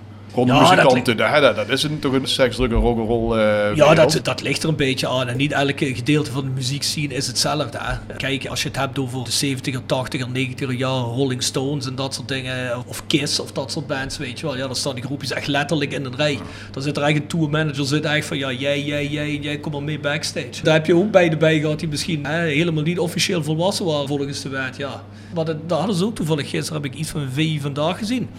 En daar hadden ze het er ook toevallig over. Hadden ze het ook over dat ding met die pruik met, eh, van de gijp. Hè, met- Geweldig. Ja, ja, Renate. en, en, Geweldig eh, vond en- ik dat. Nee, maar het ging erom dat... Vond je dat nog niet lachen dan? Nee, maar Toen wij- hij daar zat, die van de game met die pruik Ja, ik heb die uitzending niet gezien, maar het gaat mij erom dat toen was er nog een beetje een ander klimaat. Toen ging dat misschien nog. En dus het ligt nu veel meer onder de loep. En dat is ook zo. Dat wil ook niet zeggen dat het minder belangrijk is nu hoor. Want er zijn wel bepaalde thematieken die misschien toch wel eens aangesproken moeten worden. Want net zoals zo'n meid eh, eigenlijk pas op een gegeven moment met iets komt wat ze onprettig vindt op de werkvloer, omdat ze over een baas te beklagen heeft en dan niet zo snel mee komt, dat ze zich toch sterk voelen en zegt, nou ja goed, nu zeg ik het, want ik vind het niet prettig en ik wil het er gewoon uit hebben en ik heb geen zin meer hierin, weet je wel, en ik durf niet tegen die gast nee te zeggen. Ik vind dat ook op andere gebieden plaats. En dat, ik vind dat ook helemaal geen probleem. Weet je wel, altijd het argument van ja, zo is het nooit geweest. Nou, er zijn veel dingen nooit geweest. Er is nu fundamenteel iets gewijzigd. Daar kun je zeker Ja. van zijn. Het is nu echt... En ik vind dat als een basis van respect gaat, heb ik daar geen probleem mee. Kijk, kijk, als jij zegt, ik heb een meid leren kennen en dan stuur ik foto's heen of, of, ik, of ik stuur er seksueel getint appjes heen en zij doet dat naar jou terug en jullie hebben er allebei zin in. Ja, hoe de fuck cares? Maar daar hebben we het ook niet over in die situatie. Hè. Ja, nee, maar die grens begint natuurlijk wel op te schuiven. Kijk, want als je ongevraagd dikpik stuurt als eh, werkgever, ja, dan ga je duidelijk te ver. Maar als een man op straat een leuke vrouw ziet met de hond wandelen en zegt van, boh, ik vind je een mooie meid. En dan ga je alle grens over. Ja, dat gaat maar wat te ver, met alle respect. Ja, ik, luister- wil wel dat mijn zonen dadelijk als ze op stap gaan een meid kunnen versieren die ze mooi vinden. Moet je anders een briefje sturen? Ik, zou ik contact met je mogen leggen? Ik denk dat het die tijd gewoon via internet alleen maar nog gaat. Ja maar, ja, maar wat je net zegt over René van der Gijp, daar las ik gisteren een columniste over. Die kwam daarop terug en die vond nu met terugwerkende kracht dat René van der Gijp alsnog zijn excuses moet Ja, aanbieden. inderdaad, Daarvoor- gelezen, dan denk ja. ik, mijn god, Oh. ja, Ja, daar daar ging dat ook over, wat ik bedoel, als ik op een gegeven moment besluit, ik ga morgen als Bjorn Lientje door het leven en ik wil, ik wil vrouw zijn, ik doe een blonde pruik op, ja, dan kan ik toch verwachten dat jullie een keer een The Voice een grapje daarover maken, of niet? Een keer. Nou, ik respecteer je dan. Ja? nou, daar geloof ik helemaal niks van, deuger. Nee, Dat is echt een linkse deuger. Dat heeft niks met dat links, doe ja, heeft niks met deugen te maken. Ik zal eens willen zien als je echt binnenkomt. Dat ze, Als vrouw, En misschien dat ik hem wel een dikpik stuurde. ja, ja, ja. heerlijk. Ik zag nog een leuke grap van onze luisteraar René Reuters vandaag op Twitter. Heb je die Oh ook ja? gezien? Nee. Dat hij zei van, ik stuurde een dikpik naar mijn Thais eh, schoonmaakster. Oh ja. Ik kreeg meteen een dikpik terug. Die heb ik wel gezien inderdaad. ja, ja, ja, ja, ja. Hey, maar hier kun je uren over praten. Ja. Maar ja, in ieder geval, laat ik het zo zeggen. Als Rode nog een TD zoekt, Mark Overmars op de markt. Inderdaad. En we hebben toch bijna geen vrouwelijke medewerkers meer, dus dat scheelt ook weer. Maar goed. Section Frietenboot. Gepresenteerd door Herberg de Bernardeshoeve. Weekendje weg in eigen streek? Boek een appartementje en ga heerlijk eten met fantastisch uitzicht in het prachtige Mingersborg bij Marco van Hoogdalem en zijn vrouw Danny. www.bernardeshoeve.nl En Stok Grondverzet uit Simpelveld. Voor al uw graafwerk, van klein tot groot.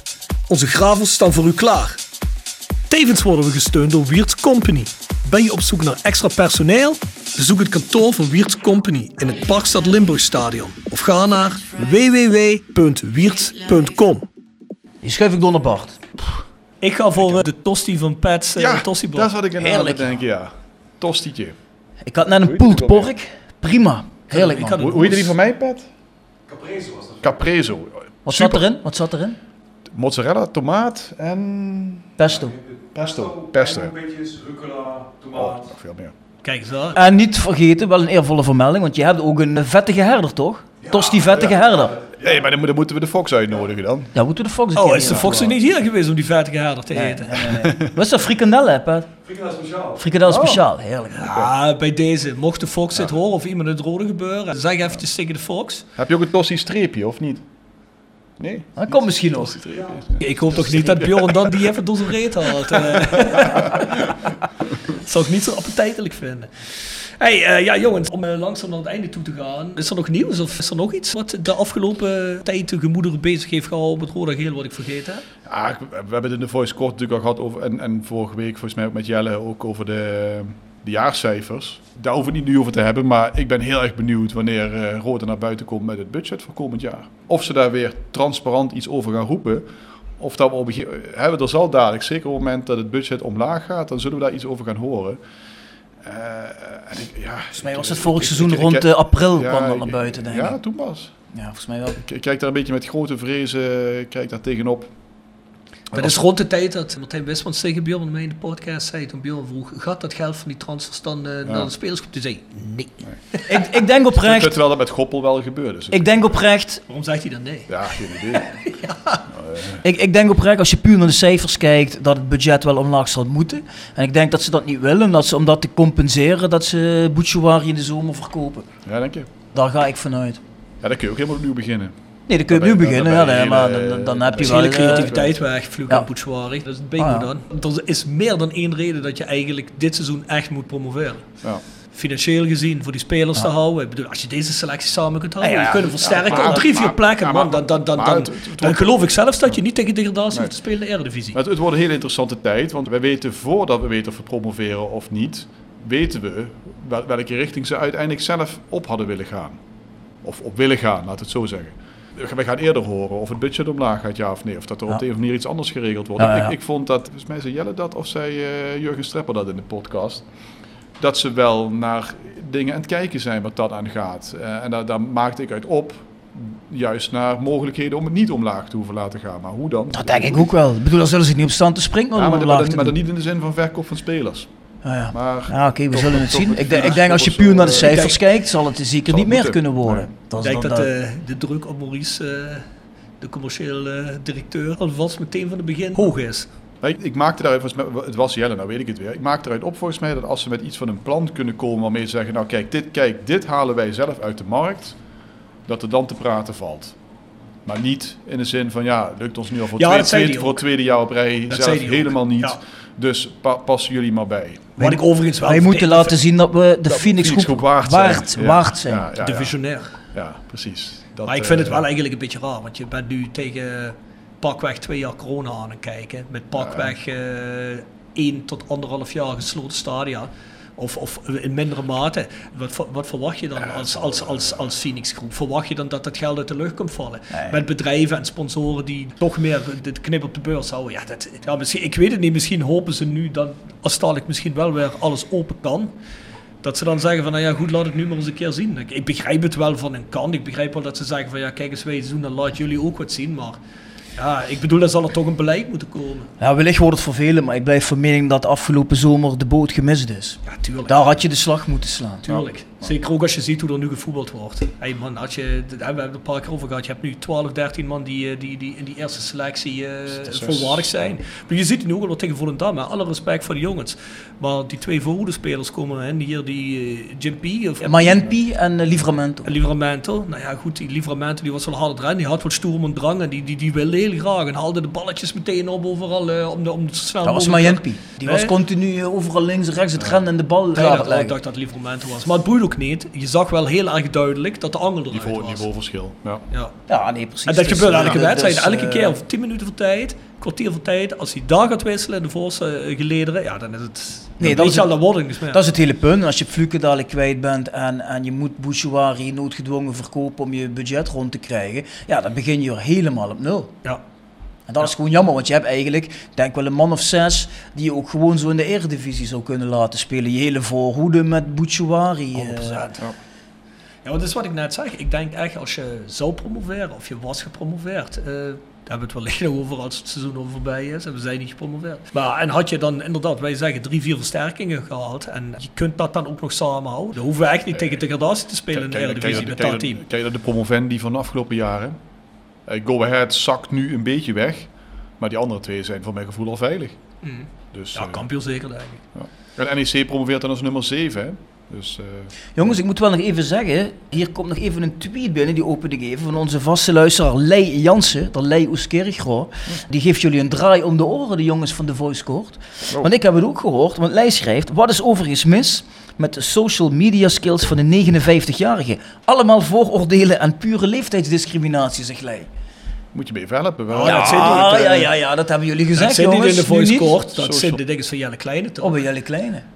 Oh, ik heb het niet gezegd in ieder geval, Lei. Toen- Eh, excuses voor het gedrag van Rob. Nee, ja, ik heb dat inderdaad gezegd. Ik heb gezegd, Oh. dan wil je liever een jongere gast hebben zitten waarschijnlijk, Oh, ja, dan een wat ouder mens. Maar, het is geen generalisatie, die, maar fil- die filmpjes. Ah, ja, ik denk dat wel over het gemiddeld gezien, dat de meeste jonge mensen er beter mee omgaan. Als ze... Maar Lei, niks tegen jou. Nee, ik wil even zeggen namens mij excuses voor het gedrag van mijn eh, collega Rob Fransen. Neem het hem niet kwalijk. Ja, hij heeft het nu een beetje moeilijk. Weinig slaap. dus ehm, Maar je kunt op je feiten nog altijd podcast editen. dat kan hij wel. Dat is allemaal goed. Dus. Maar goed, Lei. Volgens mij ook- zeg je daar niks mee. In deze tijd is het niet gepast om zulke uitspraken. Daar moet je heel voorzichtig mee zijn. Je kunt nog beter een dickpic sturen. Oh shit. Oh jongens. Kogels terugkoppen.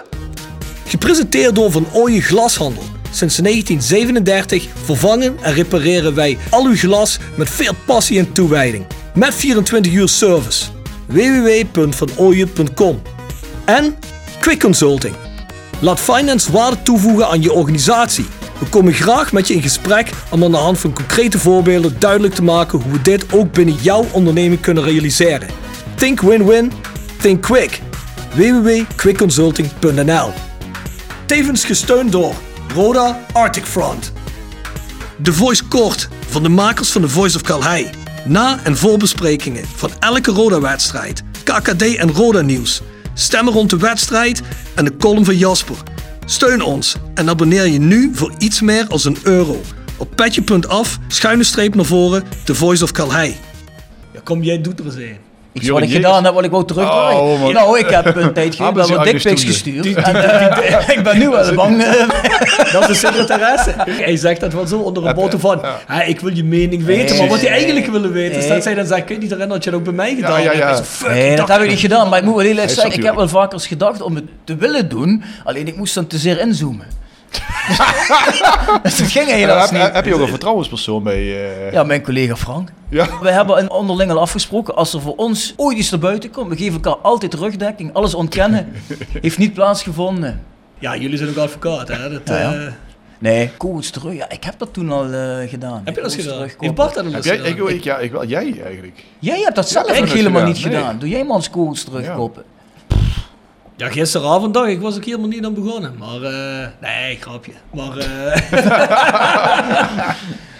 eh, even denken, ja, heb ik iets? Geen idee. Ik had misschien, ik denk wel eens met de band dat ik misschien zo nu en dan wat minder met het hart misschien iets meer business moet kiezen. Ik ben al heel tevreden over waar we altijd gestaan hebben met de band. Ik denk dat het veel verder is als menige band het ooit geschoopt heeft, zeker in die scene. Maar het had hoger kunnen eindigen. En dat, dat hebben we nooit bereikt, omdat ja, wat dat betreft hebben we altijd heel erg met ons hart en onze, onze ruggengraat gedacht. En ze gezegd van ja, met die lui hebben we geen zin in. Eh, met, met die lui die hun, daar hun diensten aanbieden, management technisch of booking technisch, daar willen we niet mee werken. Dat vinden we kutlui. We vinden die principes niet goed eh, waar die lui voor staan. En waardoor we keuzes hebben gemaakt en kansen hebben gemist. En door ons enthousiasme hebben we zowat elk dorp en elke stad in Nederland, Duitsland, België en we denken het maar hebben afgespeeld. Terwijl je dat ook eigenlijk wat minder had kunnen doen. Je wat schaarser had kunnen maken, waardoor je interessanter werd. Maar ja, we hadden zoveel zin om te spelen. We hebben gewoon jarenlang weekenden achter elkaar gespeeld. Dat is zo wel eens het enige waar ik denk, wow, weet je. Maar echt spijt heb ik daar ook niet van. Maar het was intelligenter geweest om te doen. Ja, ja. Dus dat is een beetje het enige, maar voor de rest.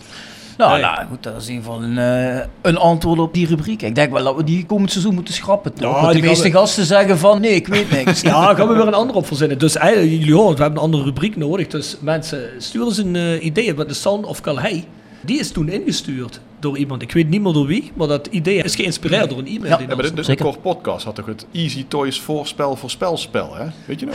Dan kon je, dan kon, dan kon je zo'n goodie bag eh, van Easy Toys winnen. Ja, ik denk dat dan mensen toch wel eh, die mee- zijn- mee- meedoen aan de rubriek. Die zijn dan. gestopt met sponsoren eh, Ja? voor de Core Podcast, heb ik gehoord. Maar Oh, ja, oké. weet je wel, ik had eigenlijk een idee. Ik ga die gasten gewoon eens aanschrijven. Misschien willen ze dat ook bij ons. Maar ze stoppen met de Core Podcast, zouden ze ons wel helemaal niet willen. Dus, eh, Nee. Trouwens, over podcast gepraat. Bjorn, we zijn vijfde geëindigd. We zitten niet in de laatste ronde. Nee, maar weet je wat het punt is, denk ik, bij die awards? Die hebben ons dat eerste seizoen zo genaaid. Op zo'n afstand waren we toen eerste geworden. En toen zaten we uiteindelijk niet bij de drie finalisten. Dat was zo'n nice streek. Dat ik denk ik dat de meeste mensen daarna gedacht hebben van ja, die awards niet, meer- niet meer serieus. Je bedoelt van hieruit. Daar gaan we niet meer aan meedoen. Ja, onze luisteraars. En ja, wij zelf eigenlijk ook niet. We hebben toen ook gezegd van bekijk het je met je Ja, met ik je heb eigenlijk award. al twee seizoenen achter elkaar gezegd, dat doen we niet meer. En toch heb ik me wel ertoe laten verleiden met delen. Maar ik heb hier even de eindstand voor mijn neus. En er staan op plaats 1, 2 en 3, maar dat wordt later nog bepaald. Er staan vraagtekentjes, maar ik weet wel welke het zijn. Het is een Emme-podcast, een NAC-podcast en nog iets anders. Ik weet niet meer. Oh, een, een Dort-podcast, moet je Oh. nagaan. En er staat ook een... Dat is geen populariteitsprijs dan. Ik denk gewoon dat daar echt gewoon iedereen die daar iets mee te maken heeft op gestemd heeft. Zo'n beetje wat ook bij ons in het eerste seizoen gebeurde. is. En de Voice of Calais staat op plaats 5. Daar zit nog een NAC-praat tussen, dus het is ook een NAC-podcast. Maar wij eindigen eigenlijk best wel teleurstellend met het publieksaandeel bij ons is maar 9,3%. Terwijl het bij al die andere podcasts erboven allemaal dik over de 10 ligt. Bijvoorbeeld bij NAC-praat ligt het op 13,6. En Emme is 14,5. En dan zit er nog 2 van 12 nog wat bij. Maar ik moet wel zeggen, de peers, dat is een 0,3%, 0,3% wordt van het geheel erin meegerekend. Hè? Dus de, de gelijken, dus ze mogen alleen de podcasters ook op andere podcasters stemmen. Daar eh, hebben we 12,5% gehaald. En dat is eigenlijk hoger als ik gedacht had voor een podcast die uit het eh, uiterste puntje van Nederland komt. Ja. Dus er zijn toch nog wel mensen die schijnbaar op ons gestemd hebben in het podcast gebeuren. Vind ik netjes. Nee, maar ik denk oprecht wat ik net zei, dat een hele hoop van onze luisteraars gedacht hebben van ja, weet je, toen eh, die eerste keer, toen waren we met afstand eerste Ja. geworden. hè. En toen zaten En toen, we was er, bij de toen, drie en toen waren er nog Ja. helemaal geen categorieën. Nee, maar dan kun je zo'n award eigenlijk totaal niet meer serieus nemen. Dus eh, ja.